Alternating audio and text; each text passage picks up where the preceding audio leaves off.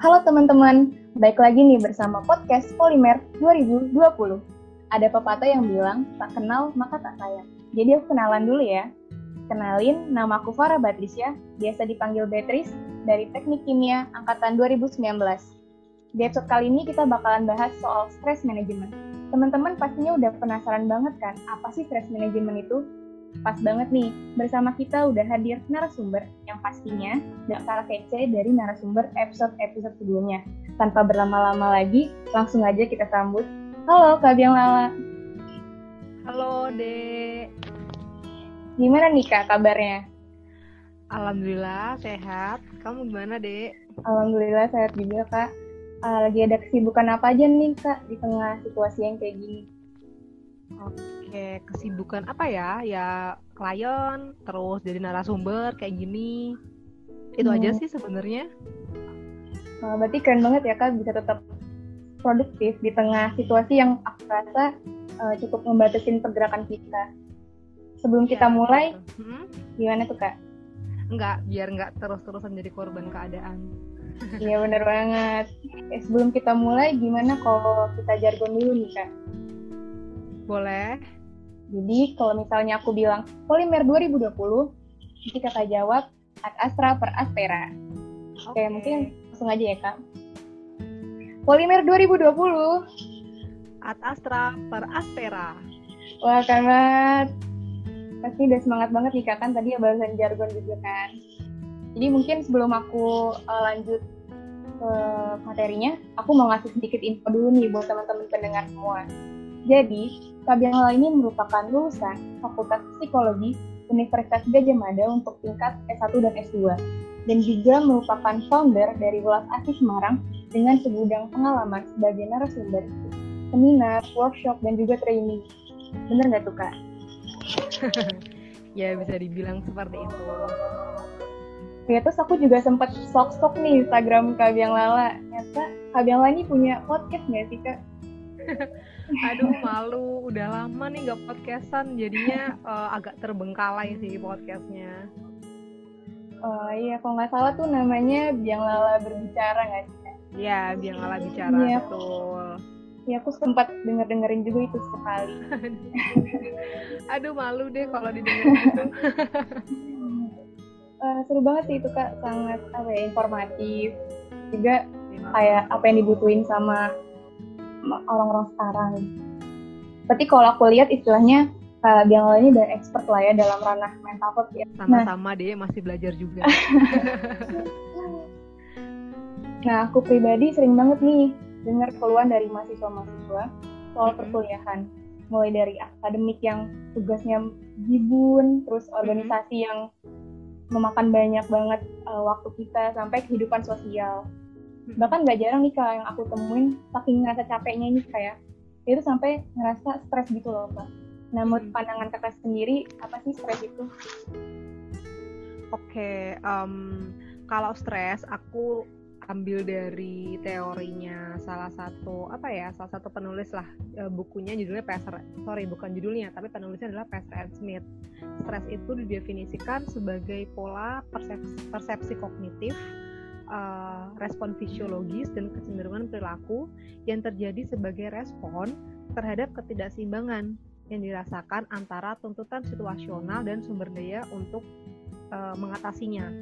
Jadi eh, secara singkatnya itu ada respon di mana kita itu menghadapi situasi yang tidak eh, apa ya istilahnya ya tidak sesuai ekspektasi, tidak sesuai hal yang apa namanya biasa kita alami kayak gitu. Sesimpel nih, sesimpel misalnya Farah pingin masak, terus eh, gasnya ternyata habis, itu stres loh termasuknya. Kan apa istilahnya tuntutan situasionalnya berbeda nih sama sumber daya untuk mengatasinya lagi lapar banget kepingin buru-buru makan masak indomie gitu misalnya ya ternyata gasnya habis kan jadi kesel kan jadi ada reaksi tuh. Eh, bisa saking keselnya bisa jadi panas badannya bisa jadi kayak mikirnya kayak aduh kenapa sih sial mulu hari ini? Kayak gitu kan. Dan perasaannya secara emosi juga eh, tadi kesel kesel itu. Nah itu juga salah satu bentuk stres. Stres itu nggak harus yang gede-gede gitu kayak tugas yang banyak atau apa pun itu gitu kan. Sesimpel gitu pun juga bisa dikatakan sebagai stresor gitu. Oh, berarti stres ini tuh ibaratnya reaksi karena adanya sesuatu yang nggak sesuai ekspektasi kita, bener nggak kita tadi? Mm -mm. Atau ya tadi situa situasinya, tuntutan situasinya itu berbeda dengan sumber daya kita gitu makanya kenapa kita stres kalau tugas banyak sumber daya kita nggak sebanyak itu loh buat bisa nyelesain tugas yang banyak gitu kenapa kita stres kalau um, ada ujian mendadak itu pun kalau uh, apa ya mata kuliahnya kita suka. Kalau nggak suka kalau kita nggak bisa tambah stres kan. Beda kalau kita bisa mata kuliahnya kita suka mata kuliahnya tapi itu kan sesuai sama sumber daya. Kita punya kapasitas untuk menyelesaikan ujiannya. Tapi kalau kita nggak punya kapasitas ya kita akan stres. Gitu. Oh berarti banyak banget nih kak yang bisa memicu timbulnya stres ya. Ya bisa. apa aja sih kak yang bisa memicu timbulnya stres itu? Ya tadi sih sebenarnya uh, ketidakpastian. Kan sekarang kalau lagi pandemi gini tuh yang paling menyakitkan ya tanda kutip kan ketidakpastian ya. Uh, kita hmm. udah rencanain macam-macam ternyata pandemi udah pingin ini itu ternyata psbb lagi itu kan ketidakpastian. Itu kan membuat kita stres kan. Mau gini terhalang sama keadaan mau melakukan itu juga dalam sama keadaan itu bikin kita stres. Ditambah sekarang uh, kuliahnya di rumah itu bikin kita burn out juga capek juga bisa bikin, bikin stres terus masalah sama orang masalah sama pasangan sama orang tua nggak sesuai sama apa yang kita harapkan itu juga uh, bisa bikin kita stres Wah, berarti banyak banget ya sebenarnya alasan yang dapat uh, memicu perasaan stres itu. Iya, dan setiap orang beda-beda sih, Dek. Kayak hmm. Kayak tadi kamu bilang ya, misalnya ada satu ada satu stimulus atau satu kejadian itu bisa dianggap uh, bagiku itu stres mungkin bagi Farah enggak kayak gitu. Hmm. misalnya um, tadi ya misalnya ada ujian matematika gitu misalnya terus aku sebagai yang nggak bisa matematika aku akan stres. Tapi Farah sebagai yang bisa ya dia nggak akan stres. Jadi itu kenapa kita nggak bisa bandingin setiap orang. Ada yang stresnya di masalah A ada yang stres masalah B. Kayak gitu. Dan itu nggak apa-apa. Ini semua tergantung persepsi kita terhadap stres itu sendiri Hmm, iya iya. Aku mau nanya nih kak, sebenarnya boleh nggak sih kita uh, sebagai pribadi nih ngerasain stres? Karena kalau aku lihat di lingkungan kita sendiri, stres ini punya istilah yang di apa ya dirasa negatif gitu kak. Sebenarnya boleh nggak sih kita ngerasain stres itu? Boleh, boleh banget. Kalau nggak ada stres kita nggak ada dorongan untuk maju deh. Kalau misalnya aku besok ada ujian dan aku nggak bisa dan aku nggak stres tapi aku mau santai-santai aja ya aku nggak akan belajar untuk menghadapi itu. Stres itu penting tekanan tuh penting pressure itu penting tergantung kita ngadepinnya gimana. Kita aku bilang stimulus itu netral kejadiannya netral persepsi kita yang yang membedakan itu mau jadi positif atau negatif. Karena emang ada stres positif sama stres negatif. Uh, gimana tuh maksudnya? Kayak misalnya tadi Farah mau masak terus gasnya habis. Kalau Farah bisa menghadapi dengan positif, ya udah Farah segera beli gas gitu naik motor ke warung beli gas atau telepon tukang gas gitu kan. Kalau negatif, mungkin Farah akan marah-marah, terus uh, kesel banget, akhirnya masuk kamar terus nangis kayak gitu. Jadi memang cara kita mem mempersepsikannya bisa menjadi positif ataupun negatif.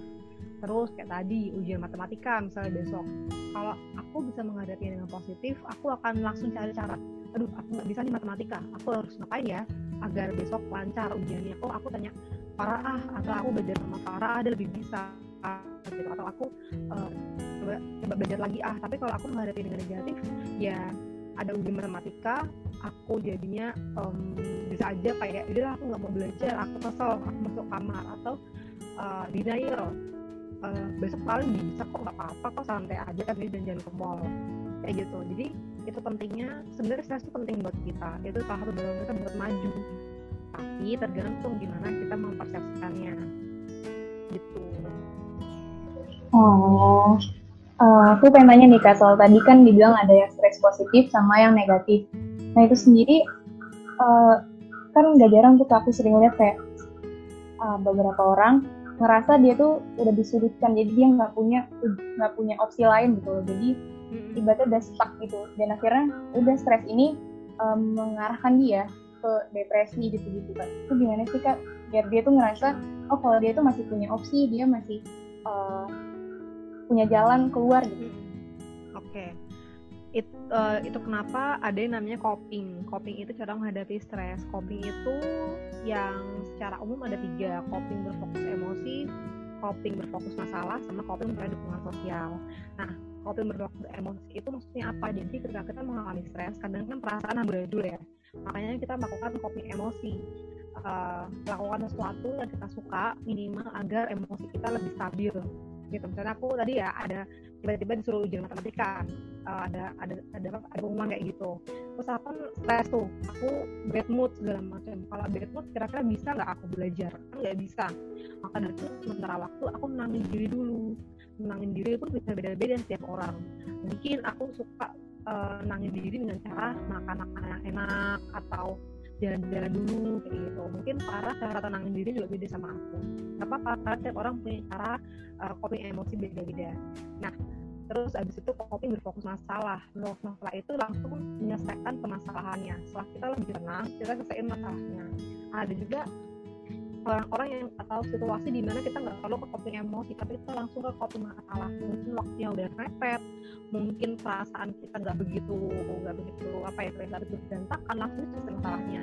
Yang ketiga coping mencari dukungan sosial cari teman untuk ngobrol cari psikolog. Kalau memang kita merasa kita perlu bantuan. Nah gimana nih kak kalau uh, kita susah banget menghadapi stres sampai kita merasa nggak punya pilihan?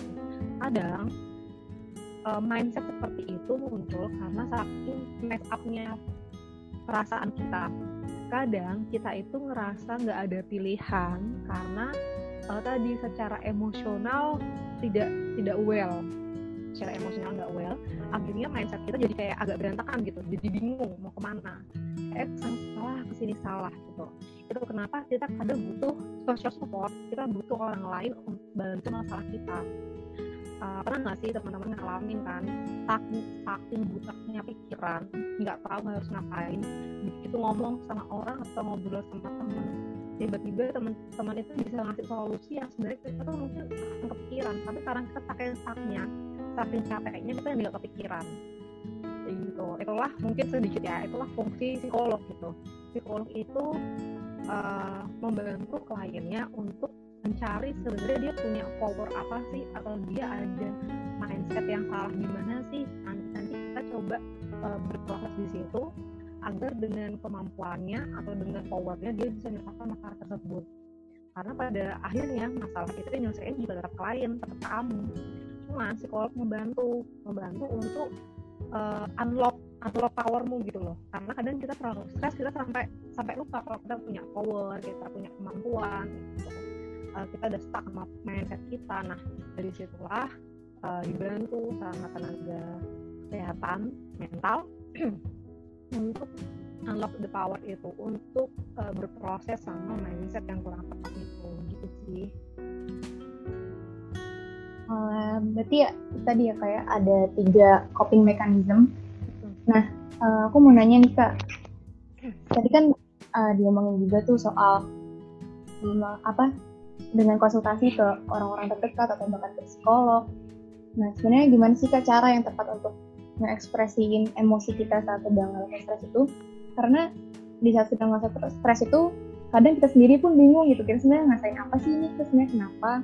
Juga kita suka bingung gimana sih cara nyampein ke orang. Karena ada dalam diri kita tuh perasaan kayak oh nggak mau enak nggak mau uh, ganggu orang karena nggak enak. Karena semua orang pasti punya masalahnya pribadi gitu tang pakai cara apa pun nggak apa-apa tapi syaratnya tidak menyakiti atau merugikan diri sendiri orang lain alam semesta. Itu syarat. Jadi kalau ada yang nanya kak boleh nggak coping emosi ini? Dia pernah dengan merokok ya kembali lagi ke peraturan satu itu. Yang penting tidak merugikan diri sendiri orang lain alam semesta. Karena kan udah pada dewasa udah pada tahu ya. Jadi uh, dan coping emosi tiap orang beda-beda satu itu. Kedua uh, kalau sekarang merasa aku belum punya nih kak kayaknya. Aku nggak tahu cara ekspresi emosi gimana apa-apa uh, keep searching aja cari gitu. Aku pun aku pribadi tahu coping emosiku itu uh, baru kayak mungkin setahun dua tahun. Oh aku suka kalau lagi bad mood atau nggak enak rasanya aku mandi. Aku suka mandi. Aku suka kadang menyendiri nonton film kayak gitu. Aku suka uh, makan. Jadi memang tergantung kebutuhan tanya sama diri lagi butuh apa sekarang? Perasaan tuh nggak enak nih lagi butuh apa ya? Oh lagi butuh tenang. Udah diem aja di kamar. Oh lagi butuh curhat sama orang telepon teman kayak gitu. Coba tanyain kebutuhan diri itu apa? Uh, eh, self care-nya senangnya apa? Apa yang kira-kira bisa merecharge energi kita? Ada juga yang nanya apa bedanya self care sama malas-malasan tuh apa? Bedanya self care atau istirahat itu ketika kita setelah melakukannya kita merasa recharge. Kalau kita malas-malasan kita udah ngelakuin pun rasanya nggak akan recharge. Kayak gitu. Terus uh, kadang ada perasaan juga benar kata Farah oh, perasaan gak enak aku mau cerita temanku juga punya masalah. Ya benar semua orang punya masalahnya masing-masing gitu. Tapi kan lebih enak kalau kita berbagi. Semua orang punya penderitaannya masing-masing tapi kan lebih enak kalau kita bagi penderitaan orang lain bukannya kita bikin orang susah cuma lebih ke uh, batu satu diangkat sendiri sama batu diangkat bareng gitu. Dan bisa jadi temanmu itu malah dapat pencerahan dari permasalahanmu bisa jadi kamu dapat pencerahan dari permasalahan temanmu gitu. Memang semua orang punya masalah masing-masing tapi ingat uh, kita itu punya trigger atau isu yang berbeda. Misalnya uh, isuku atau permasalahanku adalah pekerjaan uh, mungkin para pertemanan kayak gitu. Dari situ kita bisa sharing kita bisa tahu oh ada perspektif lain ternyata. Oh ternyata uh, punya masalah sama teman tuh bisa ya orang punya sama teman ya atau oh bisa ya orang karena kerjaan kayak gitu. Dari situ kita semakin tumbuh empati. Dengan kita mau cerita atau dengan kita mau mendengarkan cerita orang. Nah cuman memang tidak semua orang uh, capable untuk merespon ceritamu itu tidak semua orang capable untuk uh, mendengarkan atau merespon curhatanmu. Uh, banyak apa ya misalnya ini mungkin salah satu miskonsepsi ya. Kalau orang nggak bisa paham sama aku berarti orang itu toxic. Nggak selalu gitu. Uh, kadang orang tuh tidak paham sama sorry kadang orang merespon uh, berbeda sama apa yang kita harapkan karena dia tidak paham karena dia tidak capable kasarnya kayak gini misalnya aku masuk angin terus aku tanya ke ayahku yang bukan dokter ayah ini aku sakit masuk angin nih aku harus ngapain ya? Gitu. oh ini aja mbak minum jeruk panas gitu kan. Aku minum jeruk panas tapi nggak sehat-sehat nggak sembuh-sembuh. Terus aku tanya mamaku yang bukan dokter juga mamaku masuk angin aku harus apa ya? Oh sana mbak uh, minum apa istilahnya makan yang banyak aku udah makan banyak nggak enak badannya. Bukannya mereka jahat kan tapi karena mereka mungkin caranya uh, tidak sebagus saran dokter. Kalau mau sembuh ya aku ke dokter. Kalau aku tanya saran sama orang yang bukan dokter ya mereka akan menjawab sesuai kapasitas mereka aja gitu. Sama kayak curhat ke teman kita. Kita berharap dia bisa empati kita berharap dia bisa mendengarkan kita gitu kan. Cuman kan temanmu itu bukan psikolog psikiater gitu. Uh, bukan berarti dia jahat sama kamu atau mungkin kadang dia nggak siap mencurhatin mungkin kadang dia nggak um, tahu cara merespon. Tapi hal itu bukan berarti menjadi apa istilahnya ya menjadi batasan atau halangan kamu untuk cerita ke orang gitu.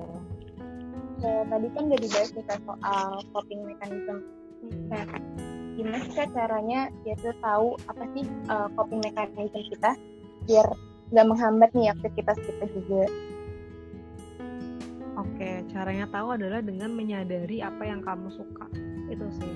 Setelah sebelumnya menyadari apa yang uh, apa stresornya gitu. Kadang orang itu tidak mau ngerasain nggak enak, ya kan? Itu itu banyak sih orang seperti itu nggak uh, mau stres, nggak mau sedih, nggak mau marah, nggak mau kesel, nggak mau sakit hati. Nah kalau kita nggak mau ngerasain itu, kita nggak akan pernah tahu self care-nya apa. Kita nggak akan pernah tahu cara curing-nya gimana gitu kan. Kalau kita misalnya nih, aku stres, aku mengaku telah lagi stres, terus aku uh, coba uh, makan banyak, ternyata nggak bisa. Oke, terus uh, minum teh hangat, oh ternyata masih belum. Oh ternyata aku lagi kepingin ngobrol sama orang. Jadi emang dicobain, pertama sadari dan akui dan terima stres sama emosi yang gak enak itu. Kedua cari cara. Itu gitu. Kadang kan kita ngerti ya oh aku lagi butuh sendiri oh aku lagi butuh ngobrol sama orang. Coba dilakuin. Oh ternyata nggak cocok ya nggak apa-apa cari lagi. Kayak gitu. Setiap orang punya self care yang beda-beda. Hmm, berarti uh, bisa dibilang kan tadi dibilang juga setiap orang punya stres yang beda-beda terus juga cara menyelesaikan yang beda-beda gitu ya kak? Iya betul banget betul banget. Terus juga tadi sempat disinggung gimana cara biar kita tahu nih coping mechanism kita itu pertama kita harus mengakui dulu kita harus sadar dulu kalau iya kita emang ngerasa gitu dan nggak apa-apa juga kan tadi dibilang juga untuk ngerasa stres tadi. Nah aku pengen tahu deh kak kenapa penting banget untuk belajar memanage stres apalagi sebagai uh, mahasiswa ya teman-teman nih yang mahasiswa baru baru masuk ke perkuliahan pasti banyak banget kan yang pengen dieksplor yang mungkin nanti ke depannya bakalan memakan banyak waktu mereka yang mungkin sudah untuk mempersiapkan juga untuk stres-stres ke depannya gitu. Jadi apa pentingnya manajemen stres ya? Ya kalau aku tanya nih enak melakukan hal dalam keadaan mood enak mood baik atau mood gak baik? Pasti ya, mood baik enak, kita. mood baik ya. Pasti enak mood baik kan. Cuman kita kan tidak bisa selalu punya mood baik. Ada aja situasi yang bikin mood kita nggak enak. Ada aja situasi yang bikin kita marah kecewa sedih apa segala macam. Kalau kita tidak menerima perasaan itu kita nggak tahu caranya gimana kelola. Apakah kelola perasaan tuh artinya nggak ngerasain? Enggak dengan kita menghadapinya e, merasakannya menerimanya di situlah kita bisa kelola dia.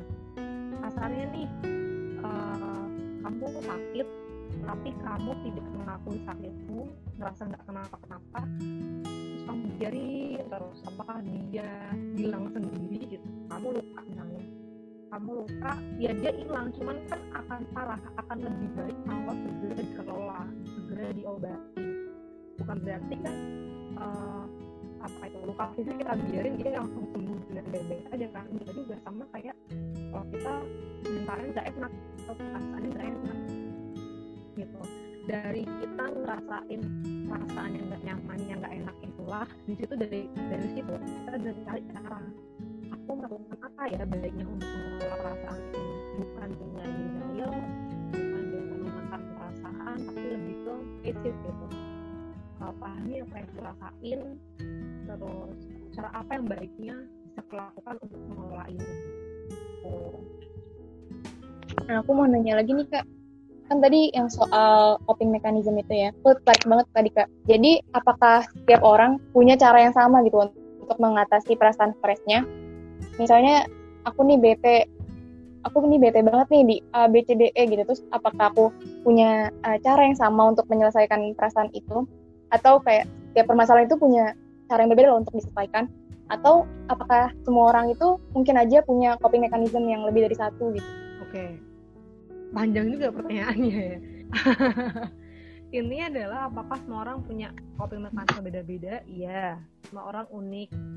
Dan setiap situasi pun bisa bisa beda. Kayak aku misalnya tadi kan kadang pengen ngobrol sama orang kadang pengen sendiri di kamar aja kadang pengen nonton series aja gitu.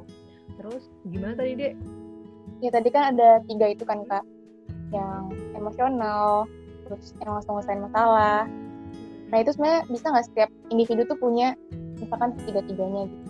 Oh kalau kan kayak tadi yang aku sampaikan ya kayak uh, kita nggak selalu menjalankan tiga itu gitu.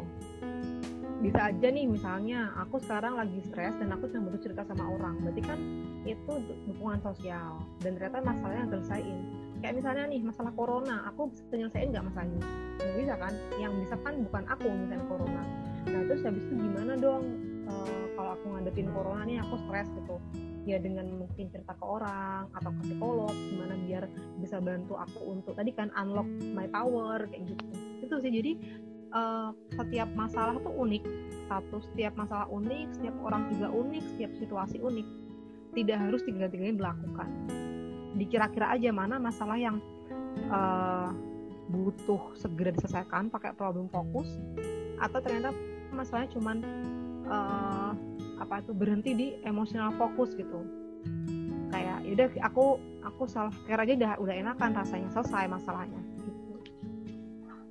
iya ya berarti emang tergantung pada stresnya gitu ya kayak ya? mungkin berkaitan juga nih kak soal tadi manajemen stres tadi sama kehidupan di dunia perkuliahan yang mengharuskan kita untuk selalu aktif mengeksplor banyak kegiatan misalnya di akademik, organisasi, kepanitiaan, lomba-lomba. Bahkan nih kak, saking sibuknya kita tuh kadang suka lupa waktu untuk uh, bersosialisasi buat having quality time atau mungkin me time. Nah, menurut kakak itu gimana ya kak? Oke, memang sih kalau lagi mahasiswa tuh kita kepengen semuanya nggak sih? Kita kepengen melakukan semuanya. Pengen semuanya sekarang gitu. Pengen jadi ketua ini, ketua itu, semua dilakuin. Uh, itu bagus karena nanti kalau kamu udah kerja kamu gak akan dapat kesempatan itu gitu atau atau, atau jarang banget kamu dapat kesempatan itu. Uh, cuman yang kedua sadari bahwa kamu manusia. Tuh. Sadari bahwa kamu punya capeknya, kamu sadari bahwa kamu punya peran banyak peranmu tuh gak cuma mahasiswa loh kamu juga punya peran sebagai teman sebagai anak sebagai saudara dan kita emang harus uh, bisa apa istilahnya ke peran-peran itu gitu. Nggak cuma mahasiswa aja peran kita tuh karena banyak. Uh, terus sadari juga ini prioritas nggak ya buatku sekarang. Apa aku cuma pengen-pengen aja? Apa aku cuma ikut-ikutan aja? Kayak gitu. Sadari apa apa kebutuhannya. Sadari apa yang benar-benar penting buat kita. Kadang kita ikut-ikutan aja tuh nggak penting-penting amat juga bisa. Dan nanti ketika kamu sudah lulus uh, eh, HRD tuh akan lihat CV yang linear gitu uh, akan aneh kalau kamu punya banyak kegiatan dalam satu waktu. Ntar kamu akan dipertanyakan nih anak beneran serius gak sih menjalani organisasi? Kok banyak banget? Gitu. Beda kalau kamu misalnya uh, tahun pertama jadi staff advokasi BEM gitu.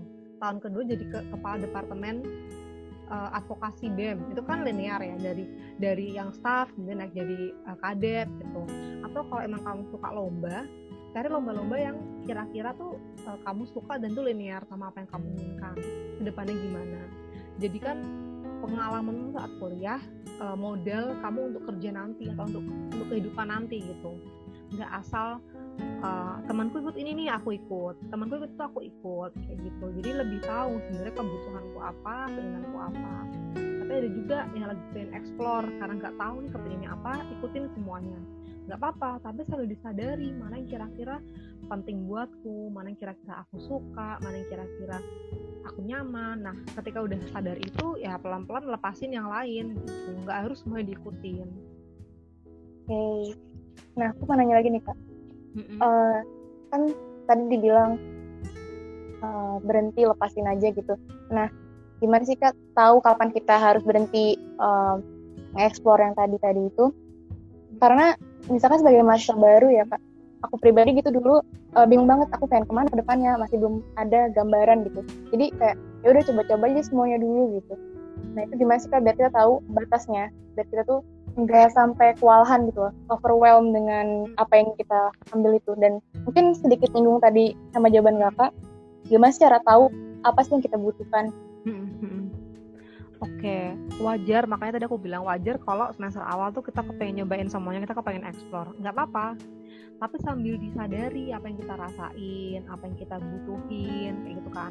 Bener nggak ya? Aku bener uh, bener-bener penting nggak ya kalau aku ikutan uh, olimpiade ini gitu tim olimpiade padahal aku sebenarnya kurang suka penelitian aku ke depannya kepingin uh, jadi apa misalnya public speaker gitu misalnya aku pengen jadi akuntan aku pengen jadi teknisi. Penting nggak ya teknisi tahu uh, bukan teknisi sih jadi kayak ya insinyur ya istilahnya pasti kalau anak-anak teknik tuh. Penting nggak ya untuk bisa penelitian yang sampai uh, rumit gini? Gitu. Jadi uh, salah satu cara untuk menentukan apa yang perlu kita lakukan sekarang adalah dengan tahu kita ke depannya mau ngapain. Terus kita tarik mundur gitu. Kayak kasarnya nih kayak anak misalnya aku pengen jadi dokter oh kalau menjadi dokter berarti ambil uh, S1 kedokteran. Oh kalau mau S1 kedokteran berarti harus IPA SMA aku harus IPA oh kalau SMA aku uh, eh, IPA baiknya aku cari SMP yang uh, bisa support itu. Jadi kita mundur gitu dari, dari apa yang paling jauh kita mundur. Nah tanyain ke dirimu kamu sekarang pengennya apa? Penting nggak ya kalau jadi uh, apa karyawan HRD gitu? Aku ntar pengen jadi karyawan HRD ah kalau udah udah udah lulus gitu. Penting nggak ya karyawan HRD itu untuk bisa uh, penelitian yang sampai jelimet gitu kan sebenarnya nggak penting-penting amat.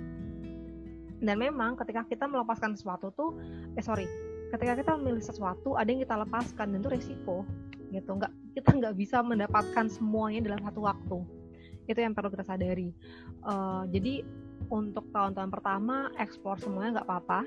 Sampai di titik kamu mempertanyakan ke dirimu ini beneran butuh apa enggak apakah ini cuma pura-pura eh, sorry apakah ini cuma uh, ikut-ikutan aja? Apakah ini cuma agar bisa deket sama gebetan? Gitu. Ada loh teman-teman yang ikut UKM ikut BKM tuh karena gebetannya di situ gitu. Penting banget ya kan? Penting gak ya untuk ikut ini? Ini udah uh, waktunya udah lama banget sampai malam. Cuman kok nggak uh, nggak worth it gitu tanyain ke diri kapan kak kita bisa tahu kapan kita butuhnya? Beda-beda lagi tiap orang. Uh, banyakin me time banyakin mikir mana yang bener-bener penting buatku mana yang sebenarnya nggak penting-penting amat. Gitu. Tapi kalau memang dirasa sampai semester 4, semester 5 aku masih bisa kak ikut kegiatan dan nilai aku nggak turun ya it's your choice gitu. Semua kembali ke pilihanmu lagi. Ketika kamu memilih sesuatu memang ada yang kamu tinggalkan dan itu memang apa hukum alam dan itu memang resiko. Gitu. Ada yang uh, mengorbankan tidurnya gitu ada yang mengorbankan aku nggak usah pacaran deh yang penting aku mau aktif. Ada yang mengorbankan keaktifan untuk bisa pacaran. Jadi memang ada hal-hal yang kita korbankan. Nah dipilih kira-kira hal mana yang patut atau bisa untuk dikorbankan. Oh ya. Nah kalau dari kakak sendiri ada nggak sih tips nih gimana cara nyusun prioritas di tengah padatnya jadwal kayak gitu Oke, nyusun prioritas sih sebenarnya ya tadi ya kayak misalnya ini urgent dan penting tidak, ini urgent tapi tidak penting, ini penting tapi tidak urgent kayak gitu. Teman-teman googling deh pasti ada cara nyusun prioritas. Cuman kadang yang bikin kita tidak mau menyusun prioritas adalah uh, manusia tuh nafsunya kepingin melakukan banyak hal gitu nafsu kita tuh pingin melakukan banyak hal pengen menyelesaikan banyak hal dalam satu waktu. Padahal hmm, kembali lagi kita manusia kita ada batasannya. Bukan berarti aku membuat teman-teman tidak punya impian yang tinggi ya. Cuman lebih ke uh, sadari bahwa kita punya banyak peran bahwa kita tuh punya kehidupan juga bahwa kita punya time juga. Nggak semuanya harus sekarang kok. Nggak semuanya harus bisa uh, achieve dalam satu waktu gitu. Misalnya nih semester 1 2 prioritasnya apa? Organisasi saya mencari cari gimana cocok. Nanti semester uh, semester 2 3 udah settle sama satu organisasi. Nanti semester 3 4 mungkin lebih fokus ke uh, self apa namanya development. Untuk cari kerja nanti atau cari magang kan kayak gitu. Jadi uh, kembali lagi sih sebenarnya aku nih bener-bener butuhnya apa apa yang penting buatku mana yang urgent. Uh, dan ingat bahwa kita mahasiswa pada pada akhirnya kita mahasiswa. Salah satu tanggung jawab kita adalah ya akademik itu salah satu yang penting. Kadang ada guyonan kan ini anak uh, kuliahnya UKM tapi UKM-nya kuliahnya gitu kan. Karena saking kuliahnya nggak dipikirin dipikirin UKM mulu gitu. Ya sebenarnya tuh itu itu pilihan cuman kita kan punya tanggung jawab kita ke orang tua ya. Orang tua yang membiayai kita atau uh, beasiswa kita kan juga tanggung jawab ke sana gitu sih. Berarti emang gitu ya kak. Terus tadi kan udah bahas nih kak soal apa sih stres itu terus apa aja yang nyebabin stres gitu. Nah dulu tuh kakak ada nggak sih cara kakak sendiri nih buat nyimbangin antara kuliah terus juga organisasi gitu-gitu. Dan biar kita tuh nggak ngerasa tertekan bisa berpikir positif dan tetap produktif gitu oh iya dulu aku juga stres uh, apalagi waktu posisi uh, kuliah ditambah dulu pernah jadi kadep advokasi terus aku juga gabung di UKM yang cukup biasanya kalau di UGM ya nggak tahu tapi sekarang nggak tahu ya.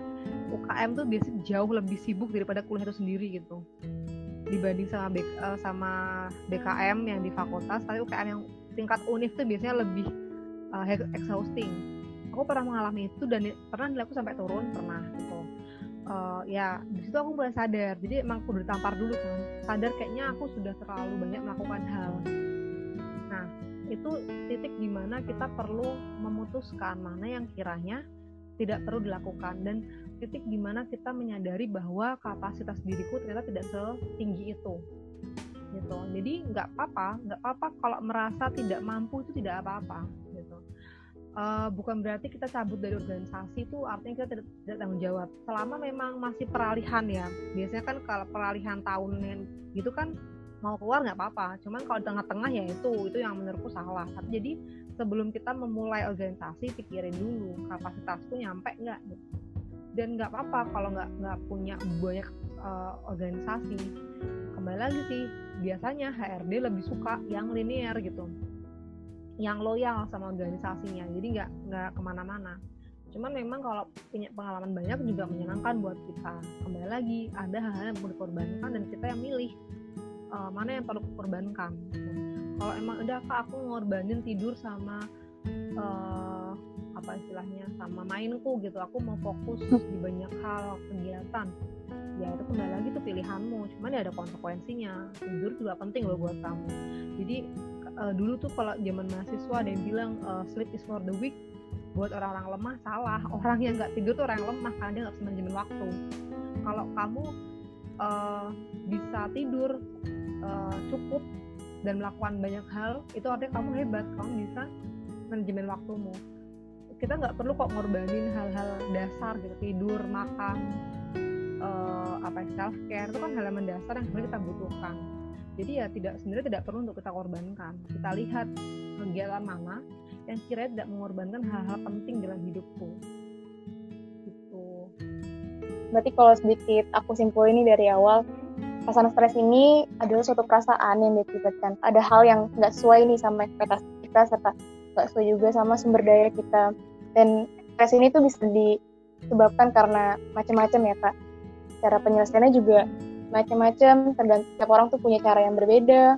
Dan tadi juga dibilang gini sih kak kalau sebagai individu itu nggak apa-apa untuk merasa stres karena ya nggak mungkin juga kan kita senang-senang terus. Kalau kita happy terus tuh kan kita nggak dapet pelajaran. Misalnya dari stres dari konflik dari nggak enak nggak enak tuh dapat pelajaran hidup dari situ biasanya.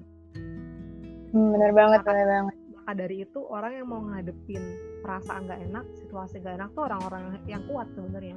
Bukan dengan denial bukan dari lari dari sana tapi ya face it gitu. Face it uh, dan coba menangkan. Menangkan dan kita cari kira-kira ada nggak ya pelajaran yang aku dapat dari sini hikmahnya apa itu yang itu yang malah menurutku lebih mahal gitu daripada kita malah milih lari dari masalah. Ya berarti kita emang harus hadepin ya stres itu. Jadi bukan suatu hal yang negatif yang kita harus kabur dari itu. Tapi kita emang harus hadepin dengan banyak hal. Misalnya juga dengan bikin urutan prioritas terus tahu kita butuh apa aja sih sebenarnya juga kita juga harus udah mulai nih planning ke depannya gimana. Uh, sebenarnya ada satu tuh? YouTube uh, video YouTube TED Talk yang menurutku perlu kalian tonton sih teman-teman. Judulnya How to Make Stress Your Friend.